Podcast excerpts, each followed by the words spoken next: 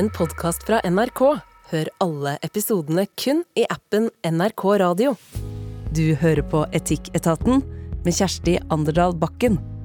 De fleste valgene vi tar i livet har ikke særlig store konsekvenser. Pasta eller pizza, lue eller ikke. Men det å velge etternavn, det er alvor. For kone og far har et sjelda utenlandsk navn, og mor et eh, tradisjonelt norsk et, hva velger du til ungen din da? Og så skal panelet her i Etikketaten diskutere hvor ærlig skal du være i jobbintervju når du veit at du kommer til å bli delvis sjukmeldt? I dag har vi invitert rundt bordet vårt en gjeng som vi har hatt her før, eh, faktisk. Og siden det skal annet da handle om navn, Noman Mubashir, hva betyr etternavnet ditt for det? Det er jo arven min. Eh, det er identiteten min. Det er, det er meg. Eh, og jeg har det jo med meg, navnet mitt, hele livet. Um, og ja, ja jeg, altså Selvfølgelig var det jo noen ganger i oppveksten jeg tenkte å, skulle jeg ønske jeg hadde litt lettere etternavn, som alle klarte å skrive, at jeg ikke alltid måtte liksom fortelle dem M-U-B-A-S-H-I-R. Um, og, og fornavnet mitt, Noman, ofte har blitt tatt eh, for å hete nordmann. Um, mange ganger opp gjennom årene. Fortsatt den dag i dag også. Så, så, men, men, at jeg har masse humor på det. Uh, og det er det ikke alle som har. Mange som kjenner deg fra TV-skjermen, bl.a. feiring av eh, ramadan og pride. Du sitter ved sida av, eller overfor, Danby Choi, redaktør i Subjekt, som også begynner å bli et kjent ansikt for mange fra ulike debatter, bl.a. en episode i NRK-serien Ueinig. Choi hva betyr det navnet for det? Eh, det er eh, også en del av min identitet, og jeg er veldig stolt bærer av det. eh, det er, I Korea så er det veldig vanlig, det er typ sånn Hansen, men i Norge så er det jo veldig unikt. da, Så jeg synes jo egentlig det er litt kult. Men, men det er ikke sikkert at jeg har ment det hele veien, jeg heller. Det har nok vært noen perioder i oppveksten hvor man også har ønsket seg å liksom blende litt mer inn, men, men vi skal jo inn på temaet etterpå, og jeg mener jo at man skal rocke det. Eh, og tror kanskje det blir lettere og lettere med tiden. Linda Nord, siste person i panelet, stadig framme i samfunnsdebatten. Gjerne når islam eller rasisme står på um, agendaen. Leder for tenketanken Min og Tenk. Hva betyr etternavnet Nord for det, da? Det er jo et uh, muslimsk navn uh, som jeg tok etter jeg ble muslim. Uh, og Eh, det er jo et navn som jeg, jeg, tror ikke alle, særlig de som ikke er muslimer, er ikke alltid de uh, identifiserer det som uh, muslimsk. Og det der skal vi videre inn i straks når vi skal begynne på det her etternavnedilemmaet. Og så skal det handle om kompiser som har sex. Er det greit å fortsette med den vennegreia sjøl om den ene gifta seg? Det er stort spenn i dilemmaet her i Etikketaten i dag, og vi tar gjerne imot eh, flere fra det som hører på. Etikketaten, krøllalfa nrk.no, det er altså e-postadressa som du eh, når oss på. Hvilket etternavn velger du for ungen din når du står mellom et som stammer fra Midtøsten og et typisk norsk ett? Det er spørsmålet nå. Sarmed Saifi, som er spillerutvikler for fotballklubben Rosenborg. Han kom fra Irak til Norge som 15-åring. Nå er han i midten av 30-åra og far til en tre år gammel gutt. Sarmed og samboeren Julie har hatt en lang diskusjon om hvordan etternavn sønnen deres skal ha. Skal han hete Saifi etter far, eller Eilertsen etter mor? Sarmed mener det er like naturlig at gutten har etternavn etter mor som etter far, Likevel så valgte de først Saifi fordi etternavnet vil dø ut om de ikke velger å bruke det. Men så ble de oppmerksomme på statistikk som viser at det er mye mer vanlig å bli kalla inn til et jobbintervju hvis du har et etternavn som f.eks. er fra Midtøsten. Sarmed sjøl har aldri møtt fordommer av eget etternavn, men han kan jo ikke vite hvordan det her vil bli for sønnen. Derfor så har det nå vært Eilertsen som etternavn og Saifi som eh, mellomnavn. Men eh, hva er rett? Danby, du nevnte det i stad. Når, når, skulle du ønske at du hadde et norskklingende etternavn? Det, altså, eh, for å være helt ærlig så har jeg ikke slitt noe særlig med det, men nå er jo jeg min egen eh, arbeidsgiver og gründer, og sånn, så jeg har ikke søkt like mye på jobber osv. som mange andre. Men jeg vil også hevde at det, det er et pluss å ha et utenlandsklingende etternavn i mange sammenhenger. F.eks. i NRK så vet jeg jo at de vil sette veldig stor pris på å ha en mangfoldig stab, og det vil man i stadig flere organisasjoner også. Og ikke minst så er det jo 18 år til barnet til Sarmed Saifi og Eilertsen blir um, altså kommer i disse situasjonene. Uh, så, så, jeg tror jo dette også vil løse seg og bli bedre med tiden. Men uh, til spørsmålet ditt, så har vi jo forskning som sier at det er mye vanskeligere å få seg leilighet hvis du heter Mohammed enn om du heter Morten, og det er jo et oppriktig problem. Og jeg mener jo det er helt praktisk anlagt å vurdere dette når man skal gi barnet sitt etternavn, samtidig som jeg synes det er kanskje viktigere kamper å kjempe her i livet, og bl.a. å bidra til å gjøre Mohammed eller Saifi til et eh, positivt ladet etternavn. Og det er vi på vei til å få. Det er jo liksom en del sånne ting som Det er jo bare 50 år med innvandrerhistorie i eh, moderne norsk historie, eh, historie liksom. Så jeg tenker jo at dette er noe som kommer til å gå seg til, og det må man bidra til, da. Mm. Altså, eh, bare for å ta litt tall her. Eh, den siste levekårsundersøkinga fra SSB viser at menn med pakistanske navn har 41% mindre sjanse til å bli kalla inn til jobbintervju. Eh, voldsomt høyt tall. Ja, det er jo hårreisende, virkelig. Det, er, jo virkelig sjokkerende. Det er jo virkelig ikke etternavnet ditt som gjør jobben. Ja. ja altså, av og til så føler jeg altså jeg da, Hvis jeg skal snakke om meg selv eh, Jeg har jo jobbet hele livet i NRK, så jeg har jo ikke det problemet. Eh, og som Danby sier også, at han er sin egen arbeidsgiver. Eh, så vi sitter jo litt i en, slik, en boble her, eh, og, og, og, vet ikke egentlig kanskje helt hva som skjer der ute. Samtidig, når du er ute i, butikker, og du er på handlesenter, og du er eh, på sykehuset og sykehjem og overalt, så er det jo mange, mange, mange av de ansatte har utenlandsk bakgrunn og har navn som ikke er er liksom, stammer fra Norge, da. Så, så, så, det har skjedd en endring, eh, masse positiv endring. og Samtidig så snakket jeg med en politimann eh, foregårs som sier at han har forsøkt å få unge gutter med eh, kriminell bakgrunn inn i forskjellige klesbutikker. At de får prøve seg. De er kjempeflinke til å selge. Eh, Joe and the Juice har snakket han om, men de får ikke jobb der. Eh, og Ofte handler det også igjen om navnet deres. Um, så, så, vi har en jobb å gjøre, og jeg tenker sånn at det er lett å si at det går seg til fordi vi ser en positiv utvikling, men jeg tror alltid at i alle slike tilfeller hvor vi sier det går seg til, så må vi som har muligheten, pushe. For vi må få til en holdningsendring blant arbeidsgiverne, og det er der problemet ofte ligger. Mm. Enda en ting i den statistikken som er eh, ganske overraskende, er at eh, arbeidsgivere skiller ikke mellom innvandrere og barn av innvandrere når det gjelder å kalle inn til jobbintervju. Men Linda, tenker du at det er ungene som skal ta den kampen der? Jeg må innrømme at jeg hadde kanskje også tatt et par ekstra runder hvis jeg hadde hatt sønner. Fordi vi vet at fordommene mot uh, særlig muslimske menn er mye større uh, enn mot f.eks. muslimske kvinner. Uh, det er ulike forestillinger, og de forestillingene kan på en måte gå i kvinnens favør i f.eks. en jobbsøkersituasjon eller det å, å, leie en leilighet. fordi kvinner, Der er det fordommer som går på at muslimske kvinner er ofre eller er undertrykt. Da blir man ikke sett på som en trussel. Uh, og man kan til og med få en, at det er nesten en slags fordel. at Da tenker man at ja, nå gjør vi en bra ting hvis vi ansetter denne kvinnen. Uh, mens uh, gutter og menn med muslimsk bakgrunn de møter jo veldig mye fordommer som går på at de er dominerende, de er undertrykkere. og det er forskning fra, fra, fra, Oslo øst som viser at, at altså, bevisst eller ubevisst, at, at, gutter blir på en måte litt sånn jekka ned. da, Gutter med innvandrerbakgrunn blir forsøkt liksom jekka litt ned. At de blir møtt med disse fordommene. Ja, du må settes litt på plass, du skal ikke være for dominerende. Og, og da tror jeg kanskje jeg hadde tenkt et par runder rundt og ikke valgt navn som kunne på en måte være med å understøtte slike forestillinger.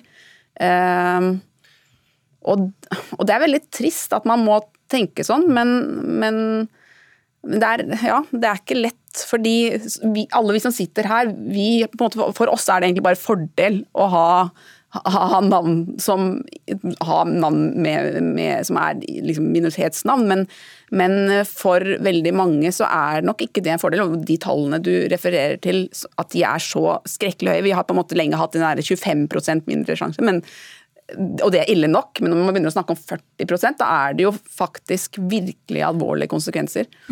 Jeg, jo, jeg, har bare lyst til å legge til en ting, at uh, Vi har jo sånne navnestatistikker hvert år. Hvilke navn er mest populære? og Da er det alltid de der klassiske som vi vet om. Eh, Eline og Celine og Emilie og Emma og Markus og Henrik og Leon osv. Eh, men i Oslo så er, så er, det alltid Mohammed som topper statistikken.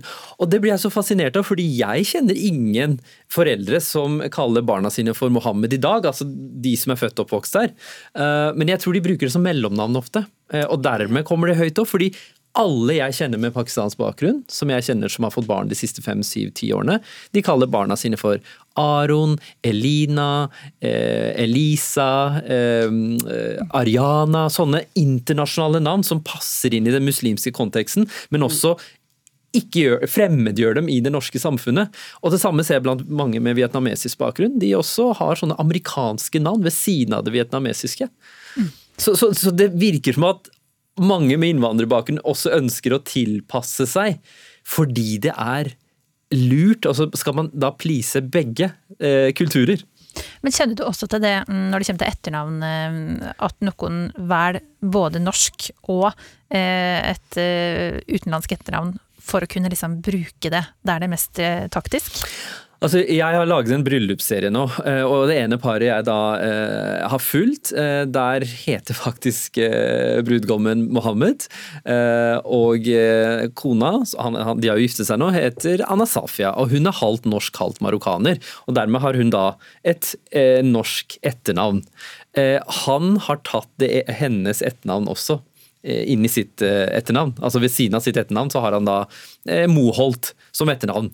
Eh, og Det er noe han poengterte under eh, altså bryllupstalen sin. Det er interessant, syns jeg. Um, du hørte det først i Etikketaten, men jeg har et mellomnavn som er Jonathan, som jeg aldri har brukt noe sted før. og Sånn er det veldig mange steder i um, Eller altså veldig mange koreanere og kinesere og vietnamesere også, som har veldig sånne um, Når det transkriberes eh, over til alfabetsk, så blir det veldig dumt. Da. Du får ikke med deg nyansene i vokalene, og det blir liksom ganske mange Du må gå, gjennomgå ganske mange kompromisser. Eh, så fungerer ikke de koreanske navnene på engelsk eller vestlig eller norsk. Eh, og Derfor får man et sånn ekstranavn, sånn at i tilfelle det skulle fungere bedre. Broren min hadde også Daniel som det vestlige alternativet, og han bruker det fordi at hans koreanske navn ikke fungerte like godt. Det, men da synes jeg på en måte du, har, du, diskuterer på et helt annet grunnlag, fordi da er skalaen liksom sånn fra praktisk til mindre praktisk. Mens eh, det vi snakker om her, er på en måte mer sånn etisk vurdering om hvorvidt, eh, eh, hvorvidt du skal føye deg for en ukultur, eller om du skal bidra til å endre den. Og da, da blir jeg liksom Da retter jeg meg opp i ryggen og blir mer sånn Det er mye viktigere da, på den skalaen, at du faktisk ikke føyer deg og faktisk bidrar til at flere har utenlandske etternavn osv. Så, videre. så Så når det gjelder etternavn på barn, og sånn, så syns jeg også det er veldig mange, mye irrasjonelt. Det blir liksom aldri perfekt. Skal du ta mannens etternavn bare fordi det er mannen? Det stemmer ikke i mitt hode. Skal du ta kvinnens etternavn bare for å balansere det ut historisk? Det passer heller ikke i mitt hode. Eh, så det, liksom, det blir liksom aldri perfekt, da, med mindre du slår sammen etternavn med bindestrek. og da, eh, fordi da begge likeverdige fulle etternavn. Og da er spørsmålet hvilke skal komme først, osv. Og, og det går jo heller ikke, fordi i historien så blir det jo bare helt kluss man får jo sånn ti navn. Men, men, men, så, men, akkurat det her er litt lettere, synes jeg. fordi da er det bare Spørsmålet er skal vi velge Saifi vekk pga. at det kan føre til eh, at det blir vanskeligere for barnet. Eh, nei, det syns jeg ikke. Da syns jeg ikke du skal føye deg. Og så syns jeg det egentlig er arbeidsgivers, arbeidsgivers loss, på en måte. fordi at det, eh, han Sarmed Saifi, jeg hørte en episode med han eh, her i NRK på Sommer i P2. Helt fantastisk episode om hans liv eh, og og, som spillerutvikler i mm. Rosenborg, mm. og som flyktning, og når og hvordan han kom, hvor raskt han lærte seg språket. Jeg kan ikke se for meg at eh, sønnen hans ikke blir en veldig veloppdragen, eh, bra arbeidstaker. Søk jobb i Subjekt, altså. Med etternavnet Saifi. men, men, igjen, da. Vi må ikke glemme at uh, han er en far, uh, og, og, sant, foreldre er uh, fra barna er små bekymret ja, ja, for barnas ve og vel. Og da, da, er det ikke så rart at de tenker fremtiden til barna. Og når de ser at det eksisterer en viss type diskriminering i Norge som vi ikke klarer å gjøre noe med, da, så, så tenker man ok, da må jeg på en måte eh, forebygge det allerede fra en ung alder. Men siden det her er en sånn ønskereprise, og vi tre har sittet i panel før, så kan jeg referere til forrige episode hvor vi snakket om pride-effekter. Fordi det var en bekymret forelder også som lurte på kan jeg sende ungen min ut med masse pride-effekter. Jeg vet jo at eh, homofile er stigmatisert, eh, og at eh, det kan føre til vold osv. Og, og da var vi også ganske unisone om at ja, gjør det fordi det er så viktig likevel. Så det er litt det samme dilemmaet her, syns jeg. At det er, det er liksom viktigere at du faktisk rocker det, enn at man føyer seg for uh, Hvis ikke så vinner jo de vi ikke vil skal vinne. Men du sa i stad, Danby, at uh, du har trua på at det her kommer til å bedre seg mye i løpet av 10-15 år. Ser dere allerede at det er uh, en endring på gang? Eller ja. er det liksom generasjonen født nå som må ta hele støyten? Nå diskuterer jo næringsministeren eh, at man faktisk skal kvotere inn i styrer, og at det må være mangfoldig og sånn, bare som et tegn på at det skjer ganske mye på de frontene her. Eh, og mm, jeg har også lest mye om Shabana Remans liv, som gikk bort eh, nå nylig. Og, og mm, i den forbindelse også så har jeg sett hvor utrolig mye som har endret seg på 20 år. Da hun begynte i samfunnsdebatten i 1999, så kunne man telle liksom innvandrere som deltok i samfunnsdebatten i det hele tatt, på én hånd. Hun var den eneste, liksom. Eh, eller en av fem. Eh, og man snakker om Og når man ser på det i dag, så er det jo noe helt annet. Så, så ja, endrer, mye endrer seg på den tiden her, altså. Vi har tre dilemmaer til med på agendaen her i Etikketaten i dag, som vi må videre. Og nå til et eh, langvarig sidesprang. Er det feil å ligge med en gift mann? Moralen den skal virkelig settes på prøve idet vi skal inn i dilemmaet som en som kaller Olemann har eh, sendt oss. Og de som skal utfordres på det her, det er altså Linda Nord, som annet står bak ei bok om identitet, kjærlighet og tabuer i Love. Noman Mubashir, du har også gitt ut bøker, bl.a. om å vokse opp i Norge med pakistanske foreldre. Og Dan Danby Choi skriver jo mange artikler i uh, Subjekt, som du er redaktør for. Ikke bok ennå, eller? Kommer kanskje etter kort? Kan hende det er på trappene. Ok, ja, det da får vi se. Da um, går vi inn i dilemmaet som Olemann har sendt ut til etikketaten krøllalfa nrk.no. Han er altså i 30-åra eh, og har helt siden studietida hatt et seksuelt forhold til en eh, kompis. Vi begynte å ha sex etter en studentfest, og det likte vi såpass godt at vi aldri har slutta med det, sjøl om begge har hatt kjærester av og på, skriver han. Han forteller at kompisen alltid har identifisert seg som heterofil, sjøl er Olemann mer åpen om sin eh, legning.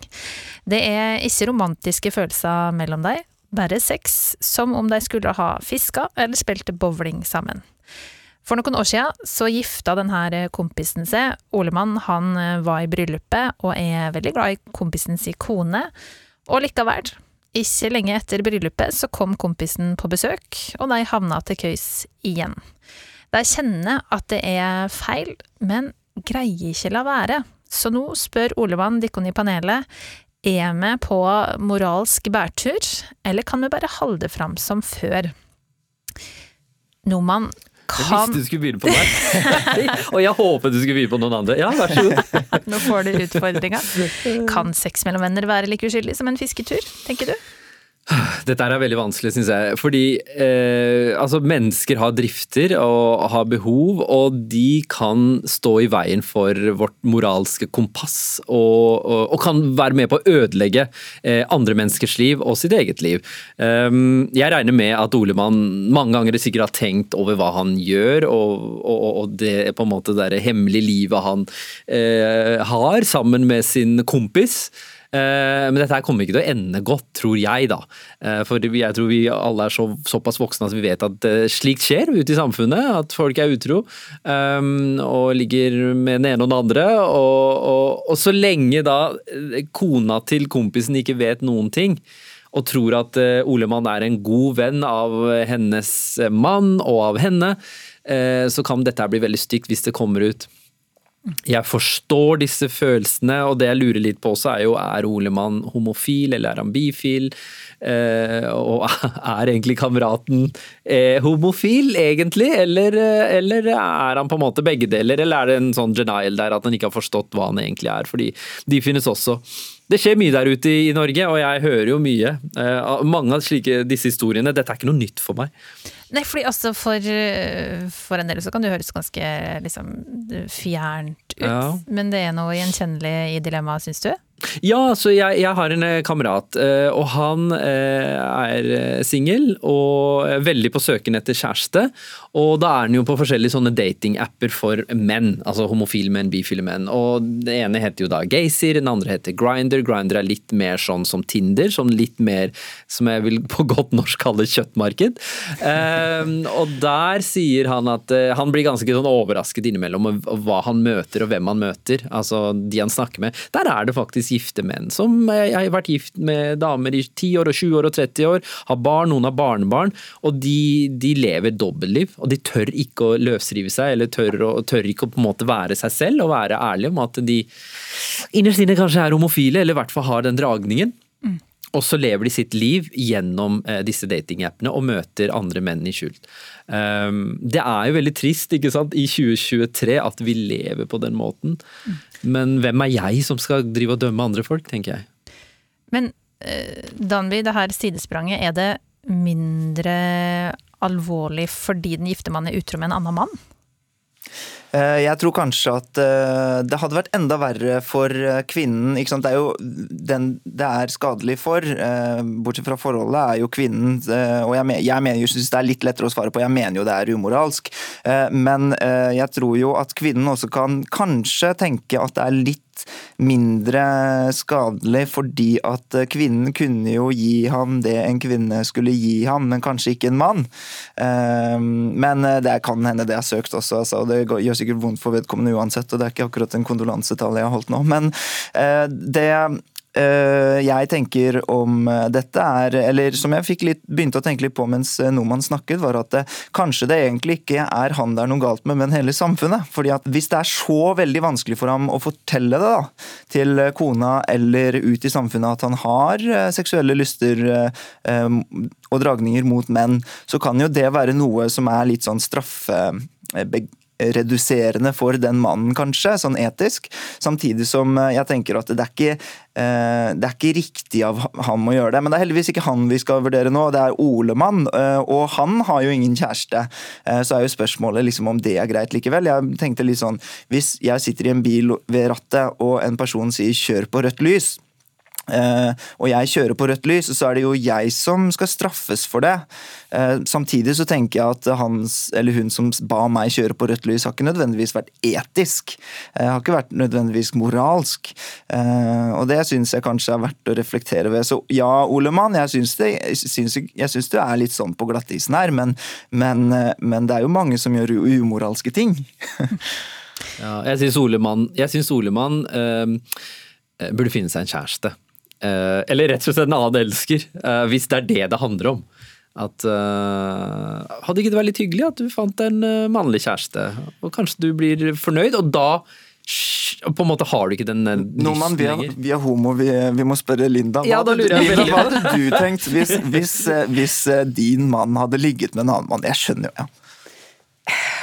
Det, jeg mener jo helt klart her at det er umoralsk fordi det er et alvorlig tillitsbrudd. Mm. Og så kan man jo selvfølgelig se på ulike scenarioer. altså at man kan tenke at ja, det ville vært mer truende for en kvinne hvis det var en annen kvinne, fordi at der blir det også mange praktiske implikasjoner hvis det f.eks. ender opp i svangerskap. Eh, da handler det plutselig om økonomi og ressurser. og Da blir det plutselig en veldig, kan det bli en potensielt veldig stor og alvorlig ting hvis du er gift og du har delt økonomi med noen. Mm. Eh, men så akkurat den biten der, altså at det, er, det, her er det snakk om noen som har inngått en avtale som det virker som de ikke har en åpen eh, altså De har ikke et åpent forhold. Det mener jeg er to helt forskjellige ting. Hvis man har, har, sånne avtaler, så må folk få gjøre akkurat sånn som de ønsker. Ja, og de finnes jo. Ja, ikke sant. Og det, det tenker jeg er liksom helt på siden av, av dette dilemmaet. Men så, så, fordi potensielt kan jo denne kvinnen, eller om det også hadde vært en, en mann Jeg tror ikke liksom kjønn er sånn veldig avgjørende her, men, men, det når man gifter seg med noen, så er jo det noe man da på en måte dedikerer livet sitt til, og det er eh, nå, nå snakkes det ikke om barn i bildet her, men hvis det hadde vært barn i bildet, så kunne jo det gjort det enda vanskeligere. Så det er noe med det at ja, det, det er mange formildende faktorer, eller kan være formildende faktorer, men, men ingen av disse tingene er formildende nok tenker jeg, til å risikere å ødelegge noen andres liv. Uh, uavhengig, helt uavhengig om det er, uh, er skeiv eller heterofil seksualitet det er snakk om. da. Um, men hvorfor men, er det så forskjell på liksom, Han sier uh, bowling og fisketur enn sex. Hvorfor er det så skille der? Det er ikke sikkert det er, det er åpenbart ikke det for dem, dem. men for ektefellen så kan det være et helt avgjørende tillitsbrudd. Jeg tror og, og, på en måte kontraktbrudd, da. Alle skjønner, alle skjønner, jo det innerst inne, at det er ikke det samme om kjæresten din går på bowlingtur med en kompis, eller om han ligger med vedkommende. Det er jo helt forskjellig. Men også fordi at, men jeg klarer ikke helt å rasjonalisere det. Kanskje det er fordi det, eh, bowling har litt mindre risiko for at du selv kan bli smittet av en eller annen sykdom fra den bowlingkulen. Eh, I tillegg så er det jo liksom sånn Monogame forhold har liksom det sexlivet ofte da, som, som, no, som det kjære. Eh, eller det unike. Eh, og det er jo et tillitsbrudd. Og det er jo helt altså, jeg syns, jeg syns eh, denne mannen som er utro. Det er en billigere pris for ham å betale og si 'hei, kan vi ha åpent forhold', eller 'hei, jeg har veldig lyst til å gjøre det', eller 'hallo, jeg er faktisk bifil', enn prisen hun må betale for å plutselig finne ut av dette eh, i god tro. Og ikke minst så kan det jo hende hun har seksuelle lyster med andre, men forholder seg eh, altså eh, monogamt til denne mannen. Eh, så hvis dere skal spille et spill, så må jo reglene være like for begge to. Eh, ganske lett for meg å se at det her er umoralsk og uetisk, men om Olemann eh, skal gjøre noe, det er litt usikkert. Hva tenker du om det, Noman? Hvilke plikter har Olemann? Ja, ja, altså, det finnes jo mennesker der ute eh, som mener at så lenge jeg ikke er i et forhold, og ligger med et menneske som er i forhold, så har ikke jeg noe forpliktelse eller ansvar overfor det mennesket som jeg ligger med, eller vedkommendes kone eller mann eller kjæreste. Fordi det er ikke jeg som er i et forhold. Og så får han eller hun ta støyten hvis dette kommer ut. Men er det så lett? For det er jo ikke det. for du er jo faktisk med på å ødelegge livet til noen andre, en hel familie. Samtidig så kan man jo også argumentere med at ja ja, er det ikke jeg han eller hun er utro med, så er vedkommende utro med en annen person. Mm. Har det noen betydning at han kjenner kona, da? Olemann? Jeg, jeg syns det har litt å si. Det er det jeg syns er litt vanskelig oppi det hele. At de er venner. Og så ja. å sitte sammen og spise middager og gå ut og kose seg og alt. Nå snakker jeg bare ut fra det lille jeg vet. Eh, og så, du, og så, har du den store hemmeligheten med kameraten din. Men Linda, eh, altså vi har jo ganske strenge monogame ideal her eh, med Lev, men med sosialantropologihatten på, fordi den har du jo i skapet ditt som sosialantropolog. Er det så opplagt at det er, liksom det, at det er moralsk korrekt å holde seg til én person? Nei, sånn det er, noe, det er, ikke noe, universelt med det i det hele tatt. Eh, det at vi har det i vår del av verden eh, i vår tid, handler jo mye om en sånn veldig eh, streng og ganske sånn seksuell, restriktiv kristen moral som har dyrka et veldig sterk ideal eh, om monogami som eh, veldig avgjørende for ja, med tanke på oppdragelse av barn og sånn helt Hvis man ser på det helt sånn mm, praktisk. Det finnes jo andre leveformer hvor man f.eks. har en mer kollektiv oppdragelse av barn, hvor det f.eks. er vanlig at i, i, deler av den muslimske verden så har det jo vært åpent for flerkoneri, f.eks. Og det Eh, har også vært f.eks. i ja, antikken har det jo vært, eh, vært eh, vanlig med eh, homoseksuelle relasjoner mellom yngre og eldre menn som ikke ble sett på som et romantisk forhold, men som ble sett på som, som en ja, slags sånn mentor... Mentor, en del av en mentorordning, kan man si. Men litt tilbake fra sosialantropologien, hvor jeg er veldig på bortebane til hvor jeg kan prøve meg på etikken i stedet, så, så mener jeg jo at flerkoneri faktisk er mer etisk enn uh, Olemanns uh, virksomhet. Fordi at uh, der spiller man med åpne kort. Altså det, det er, liksom, Man vet om det. Eh, problemet her er jo at stakkars kona til um, Olemanns sexpartner ikke er bevisst på det, og spiller med helt andre kort og regler enn mannen. Så det er jo direkte uetisk, eh, syns jeg. Og så har jeg litt lyst til å gå tilbake på dette med er det noe bedre om det er en gutt? Fordi at eh, jeg har, jeg har en venninne som hadde et lignende tilfelle en gang hvor hun ble utsatt for utroskap to ganger. Og den første gangen så var det med en mann. Eh, altså hennes guttekjæreste var utro med en annen gutt. Eh, og da var hun litt mer sånn Eller hun ga han en ny sjanse, da, fordi det var litt mer tilgivelig. Og eh, hun mente det var fordi at den gutt Kanskje kjæresten min har et behov som jeg ikke kan innfri. Um, og derfor syntes hun det var litt mer greit, selv om det ikke på noen måte unnskylder eller forklarer um, at man ikke skal spille med åpne kort. Men da kan man jo også veie inn dette hensynet med at uh, kanskje han syns det er veldig vanskelig å komme ut da, i et samfunn hvor det er vanskelig å komme ut som bifil eller homofil osv., som er litt straffereduserende for han. Men, men uh, andre gangen han da var utro med en jente, så var det liksom, da var det over. Så jeg synes kanskje, og jeg vet jo ikke hvem denne kvinnen er og om hun tenker sånn, men jeg tror kanskje at jeg synes kanskje det var noe i det. Eh, at det kanskje var litt eh, lettere å forholde seg til siden det tross alt var en mann. Ja, fordi jeg jobber i TV og er åpen homofil, så får jeg jo av og til ganske interessante mailer og meldinger. Og jeg har faktisk opp gjennom årene fått flere mailer og meldinger fra øhm, voksne etnisk norske menn øh, som gjerne vil dele at de er i skapet. Og det de sier, er ofte at jeg har fortalt det til kona. Mm. Ok, men hvordan reagerte hun? Da svarer de eh, ofte at de syns det er greit så lenge vi ikke snakker om det. Så lenge ikke jeg vet hvis du av og til må møte menn. Og Det betyr da at de kvinnene er, har en sånn slags forståelse for dette her, men ikke går fra meg. Ikke gå fra familien. Vi har hele denne pakken sammen. Det er viktigere enn at du innimellom har en trang til å møte andre menn. Det er ganske interessant. Ja, som vi ikke tør også... å snakke om i, i offentligheten i Norge. Mm, det, er jo, det, er jo, noen filosofer eh, som uh, mener at uh, monogami er, hører hjemme på museum, og at uh, problemet ofte for de med monog nei, åpent forhold, jeg kjenner noen med åpent forhold, er den sjalusien som oppstår ved at man snakker om det, og at man ser for seg situasjoner og sånn, og at de har vært litt sånn better better not to know. Mm. Og det er jo egentlig ganske sånn large eh, filosofisk tenkt. Det er jo det alle filosofer eh, mener, at jeg skulle ønske at jeg ikke visste. Og det er jo det som bidrar til all sorg og depresjon her i verden. Så så lenge man har beskyttet sex eller testet seg ofte og sånne ting, og man ikke utsettes for sykdommer, så er det jo kanskje noe man skal snakke om ved inngåelse av et åpent forhold. Da, at Hva er reglene? Skal vi si fra om det, eller ikke? Så lenge du elsker meg mest, og det bare var et tilfelle på byen, så er det egentlig kanskje bedre å bare ikke vite her er langt nedi i fordomsgryta. Og hvis eh, du som hører på har et dilemma som kan til å røre enda mer i det her, så må du gjerne sende til oss. Eh, etikketaten krøllalfa nrk.no. Men nå skal ærligheta virkelig bli satt på mm, prøve, for hvor hvis den kan koste det drømmejobben?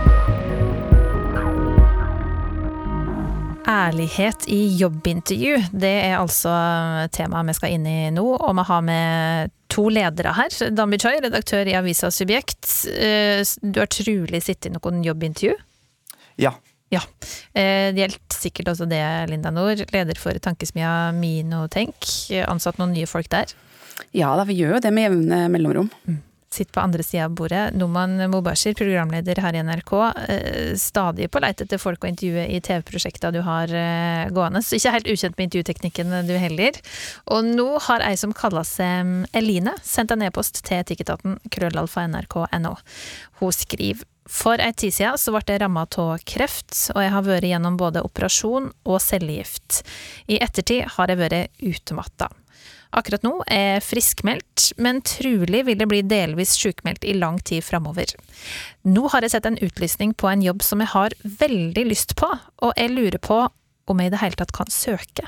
Og hvis jeg søker, bør jeg legge alle korta på bordet. Helsing Eline. Første spørsmål først. Linda, bør hun søke? Ja, det syns jeg absolutt. Jeg tenker at alle kan bli syke. Vi skal ikke ha et samfunn hvor det å å bli syk eller oppleve ulike former for livskrise skal være noe som skal uh, sette en tilbake og gjøre at, at på en måte livet tar slutt. Så dette her er jo en viktig del av det å være et, et inkluderende og godt samfunn. Og ikke gi opp folk selv om de kan ha ulike det, det, kan være masse eh, fordeler også med hennes også. Man vokser jo ofte veldig på sånne livskriser. Man kan få mye viktig innsikt, man kan bli en mye bedre kollega fordi man kan få mye sterkere forståelse også for andre som er i vonde situasjoner. Så, og det at noen kan Altså alle kan bli sykemeldt også.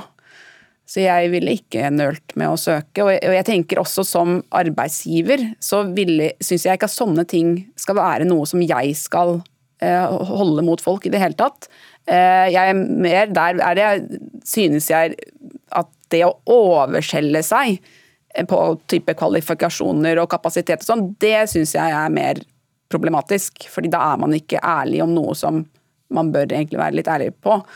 Eh, men, men det å Eh, å søke med de kvalifikasjonene man har. Man må jo ta, til, eh, ta utgangspunkt i at hun faktisk har de kvalifikasjonene eh, som denne stillingen etterlyser. Så skal ikke sykdom være utslagsgivende for å ikke søke på noen måte. Men skal hun være så ærlig at hun sier det, Noman?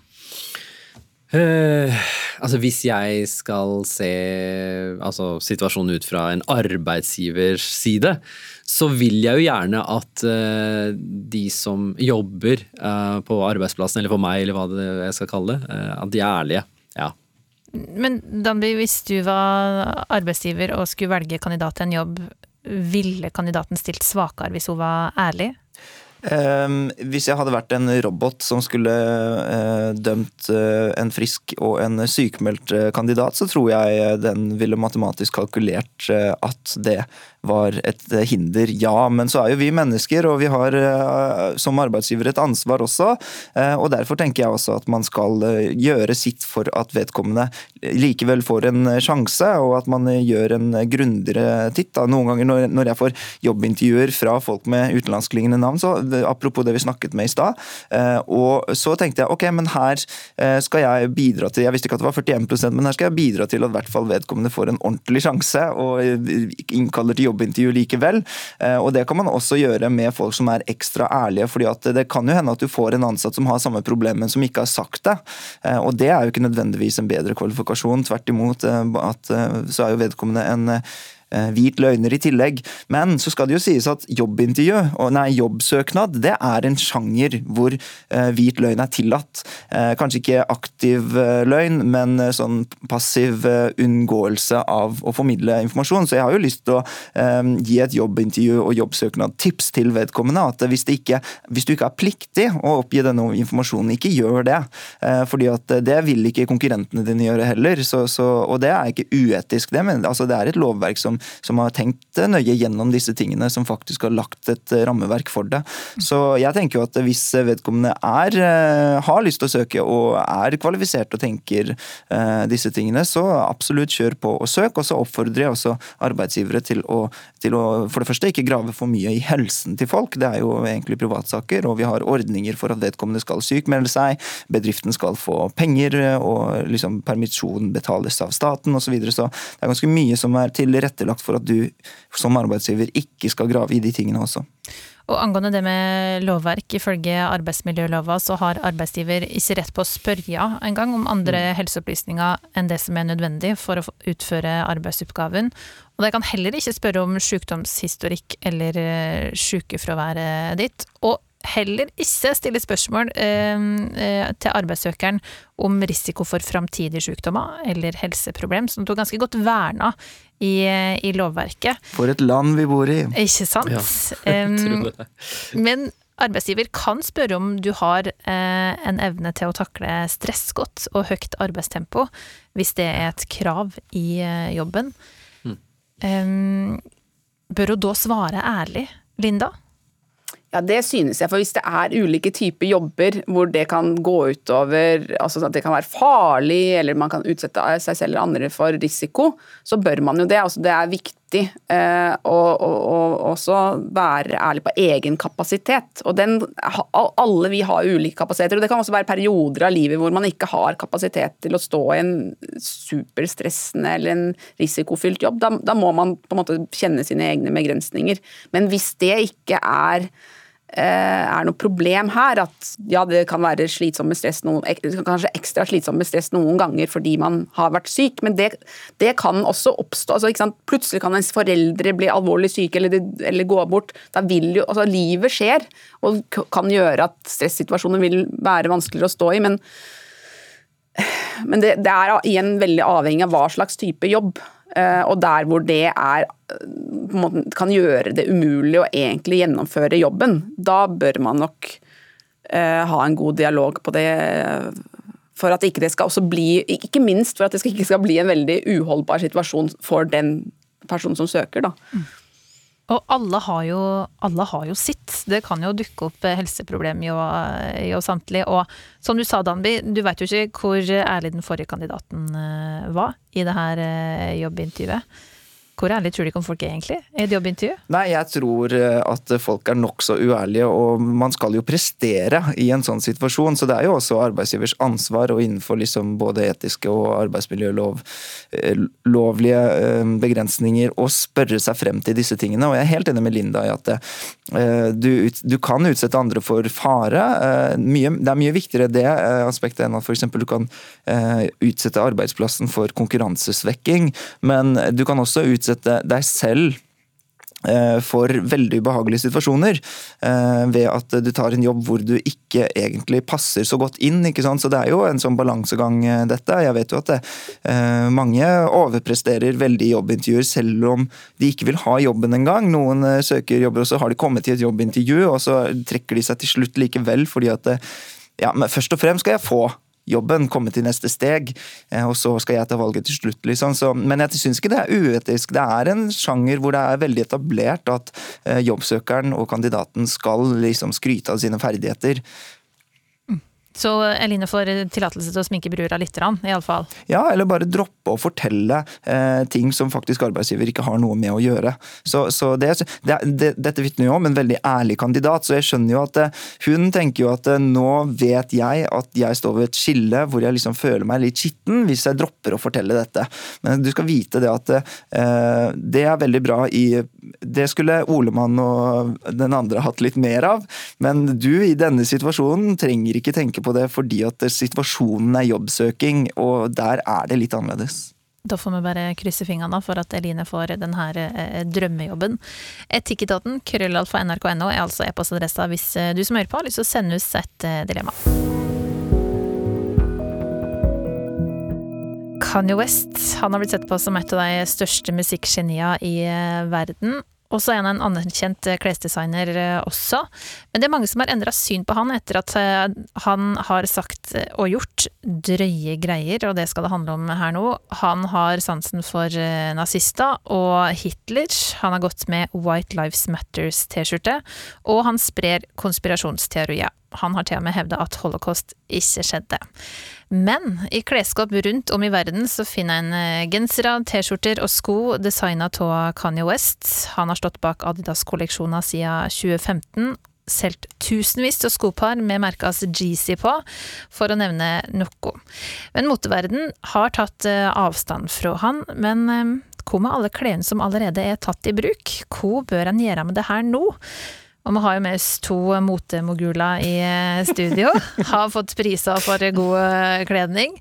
Um, Danby, kunne du gått med Kanye West-design nå? Uh, jeg, har, jeg syns han lager helt utrolig stygge klær. Men han, altså, han, lager skikkelig skikkelig bra musikk, eh, og han er et geni. Og jeg har aldri brukt klærne hans eh, fordi at jeg syns de Yeezysene, særlig de skoene, er utrolig stygge. Det sagt, så er det ikke derfor eh, jeg ikke bruker dem. Og jeg vil mene at hvis du virkelig syns de skoene er fine, så er jo jeg en sånn fyr som mener at man skal skille kunsten og kunst kunstneren og kunstverket. og Derfor mener jeg at um, du skal få fortsette å bruke dem. Men, um, men ikke fordi de, at de er fine, de burde nesten vært forbudt av den grunn. Hvordan er det med det, Noman? Kunne Nei, det... du brukt Kanye West-klær? Nå bruker ikke jeg som Danby uh, uh, Kanye West-klær, uh, eller designet av uh, Kanye West. jeg hører heller ikke på musikken hans. den der Good Morning-låta hans den bruker jeg ofte på Insta-storyen min. Hvis jeg legger ut noe om morgenen, så bruker jeg den der Good Morning. Den er veldig kul. Men jeg er på en måte ikke så veldig fan av den sjangeren generelt, hiphop og sånn, så, så, sånn sett er ikke det noe problem for meg. Det jeg tenker på, er jo canceling-kulturen vi lever i i dag. At det går så fort fra liksom, at du er på toppen og du havner havner nedi gjørma. Uh, nå har jo uh, Kanye West forårsaker dette selv, uh, med alle sine uttalelser gjennom årene, som blir mer og mer sånn sykelige. og man lurer jo på om det er en diagnose her. Ja, men han det... har faktisk en diagnose, og det ja. syns jeg er ja. ja. og det er det jeg tenker, at da, da, skal man også på en måte selvfølgelig ta hensyn til det. Men generelt så tenker jeg at jeg vil ikke assosieres med Eh, en, en, designer eller en artist eller en filmskaper som på en måte har holdninger som går veldig eh, på kollisjonskurs med meg og mine verdier og tanker. Men for eksempel, da, bare for å gi en liten sånn sammenligning. Jeg har vokst opp med Michael Jackson. Jeg er en ikke sant? Jeg er, eller skal jeg si var. Jeg har i hvert fall hørt masse på Michael Jackson. Jeg har imitert Michael Jackson. Jeg har vært på fester hvor jeg har stått og danset og kopiert hans eh, dansetrinn. Og så begynte alle disse historiene å komme, rettssakene å komme. Nå er han dessverre død. Eh, og jeg husker her om dagen så sa jeg til en venn at åh, jeg elsker å høre på thriller-album igjen. Jeg pleier å sette det på innimellom, og Bad og, ikke sant? og Dangerous. Og da sier vedkommende at uh, ja, det, det, skulle jeg gjerne gjort også, men han har jeg liksom slutta å høre på etter alt som har kommet frem. Og det er veldig vanskelig for meg, og det er som Danby sier, da, at uh, man må skille ikke sant? kunstneren fra kunsten og artisten fra musikken. Uh, for meg vil Michael Jackson-musikken alltid være liksom, uh, noe veldig sterkt og vakkert og flott, og noe som jeg har vokst opp med, som jeg har kjempenostalgi rundt. Det må i hvert fall ikke være sånn at uh, hvis du hører på Michael Jacksons musikk, så støtter du liksom voldtekt. Det må i hvert fall ikke være sånn at hvis du hører på Kanye Wests musikk, så er du en holocaust-fornekter. Det er litt sånn veldig snarvei til helvete.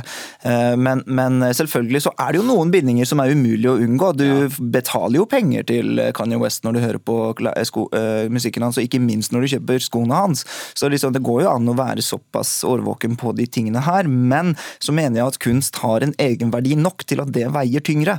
At uh, den bindingen på en måte blir Ja, det, ingenting er perfekt her i verden, men den blir litt gråere, litt uh, uh, mer diffus og litt mindre viktig i forhold til at man anerkjenner estetisk kvalitet og verdi i seg selv. Mm.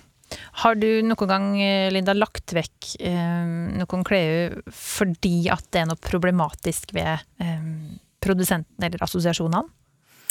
I den grad jeg er opptatt av akkurat klær, så er det jo produksjon og, og, og arbeidsforhold og etikken rundt det. Men akkurat når det gjelder sånn kunstnere og sånn som med, med Kanye West spesifikt, så er det viktigere å gjøre folk bevisste på den konteksten eh, den antisemittismen f.eks. han har spredd, eh, kommer fram i.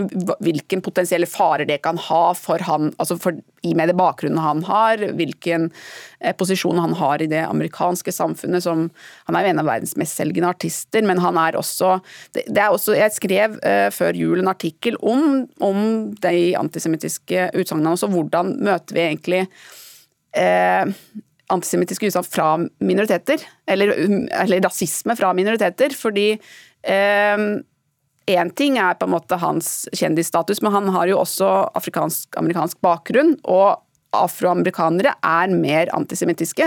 I meningsmålinger så har det vært det sånn lenge, og det er fortsatt sånn. Skårer mye høyere på antisemittisme. Det er mye mer utbredt, og det, er på en måte en ganske lang og skummel historie der. Eh, som jeg tenker også det er viktig å snakke om.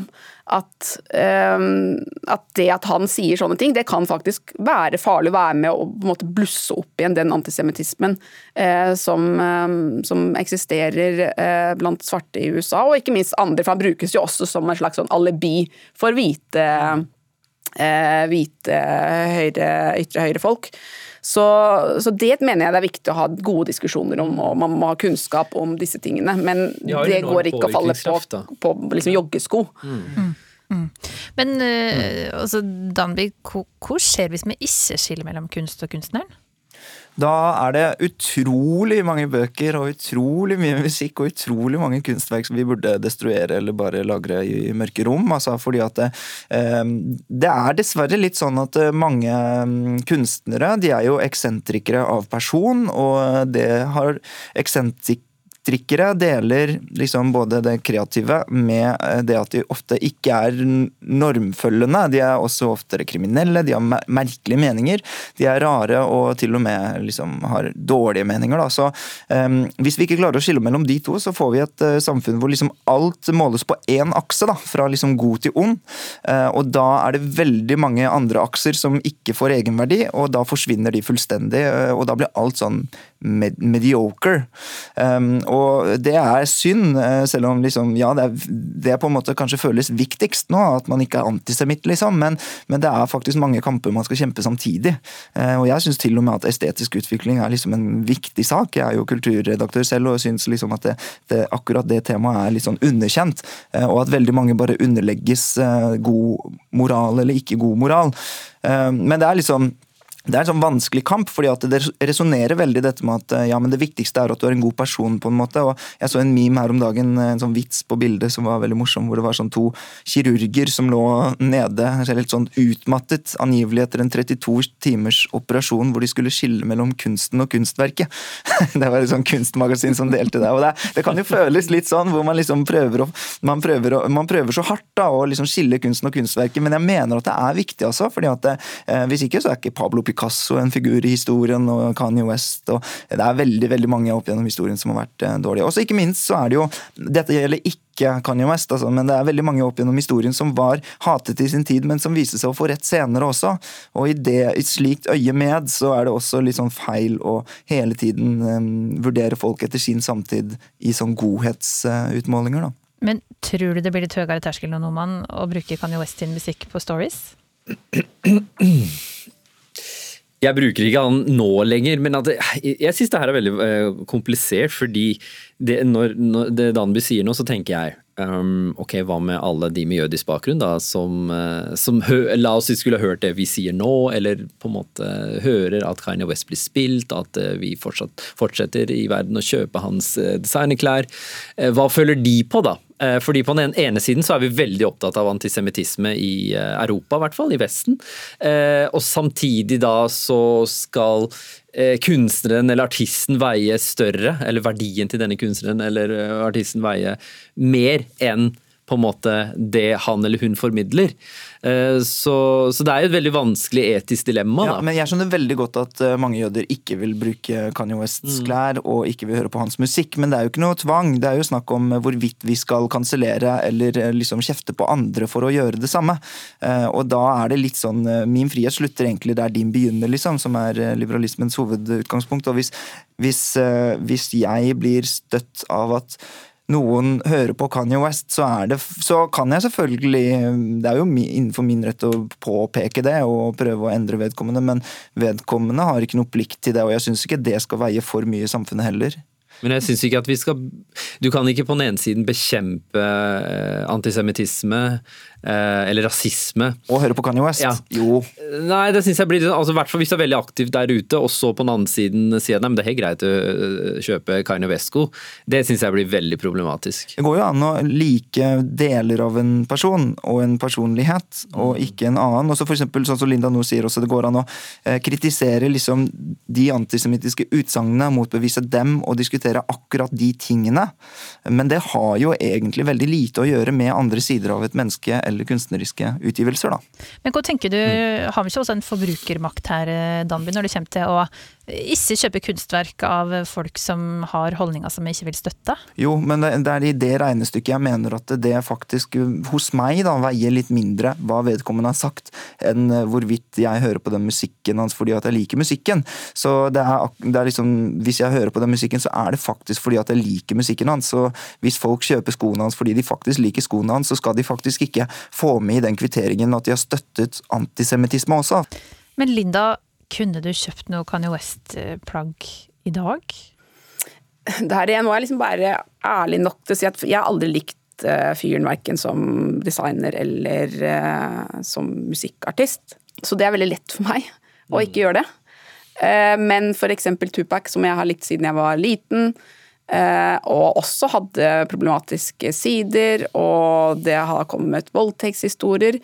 Eh, så det er klart det at som feminist og kvinne og mor til døtre, så er det vanskelig at en av mine favorittartister har en sånn bagasje. Men jeg liker altså samtidig musikken så godt at jeg tror ikke jeg hadde klart å liksom si at nå resten av livet skal jeg aldri høre på Tupac igjen. Det må jeg innrømme at jeg ikke hadde klart. Men akkurat nå, for eksempel, som Hvis jeg hadde elsket Kanye West, så hadde jeg ikke promotert han akkurat nå. Som han holder på sånn. Det er noe med at folk kan jo faktisk heldigvis Ofte gjør jo folk det også. At de kan ha dårlige perioder i livet og gjøre sprø og dumme og fæle ting, og så kan man bli mer mm. eh, normal igjen. Og, og, da må man også kunne se at ok, det er, det er rom. Men Og nå er det vel ikke sånn, det er så mange som går ut og liksom kjenner igjen Kanye West sine design. Altså det, det, har ikke så sterk symbolkraft. Bortsett fra Danby, tydeligvis. Ja, ja ikke sant? hvis du ikke er veldig sånn interessert. Men det er ikke sånn at jeg tror ikke at det påvirker ungdom til å bli antisemister, f.eks. Eh, men, men, det kunne jo vært tilfeller hvor, hvor en kunstner var så drøy at det også symbolikken til den kunstneren kunne være av en så alvorlig art. da. Eh, og særlig med innen sosiale medier og innen den nye formen for høyreekstremisme, så er det mye symbolbruk som er ganske komplisert og vanskelig å forholde seg til. For den endrer seg hele tiden, og den er koda med vilje. Nettopp for at det ikke skal kunne gå an å liksom slå så hardt ned på den. Og der tror jeg jeg ville ha vært mye strengere med på en måte den balansegangen mellom kunst og, og faktisk ekstrem symbolikk, da. Men samtidig er det vanskelig, fordi man skal ikke la heller ekstreme grupper få eie, eie ulike symboler, mm. som de ofte prøver på, da. Vi kommer nok helt sikkert tilbake til kanselleringskultur senere i Etikketaten. Og eh, hvis du som hører på har lyst til å høre mer om Kanye West og hvorfor han blir sett på som eh, stadig mer kontroversiell, så anbefaler jeg deg å høre på podkasten Oppdatert sin episode, som du finner i appen NRK Radio. Der eh, finner du òg flere episoder av Etikketaten, hvis du har lyst til å høre mer, fordi nå stenger vi for i dag. Og hvis du kjenner noen som strever med et eller flere av disse dilemmaene som vi har prata om i denne episoden, så må du gjerne dele episoder med deg. Valg av etternavn, f.eks., eller sex med gift kompis. Du finner lenke i appen vår. Det var veldig fint å ha dere her igjen. Tre sterke stemmer i samfunnsdebatten. Linda Nord, som er leder for tenketanken Minotenk. Danby Choi, som redaktør i kulturavisa Subjekt. Og Noman Mobashir, kollega her i eh, NRK. Ny gjeng venta neste uke med Høyre stå. Jeg heter Kjersti Anderdal Bakken. Du har hørt en podkast fra NRK. Hør alle episodene kun i appen NRK Radio.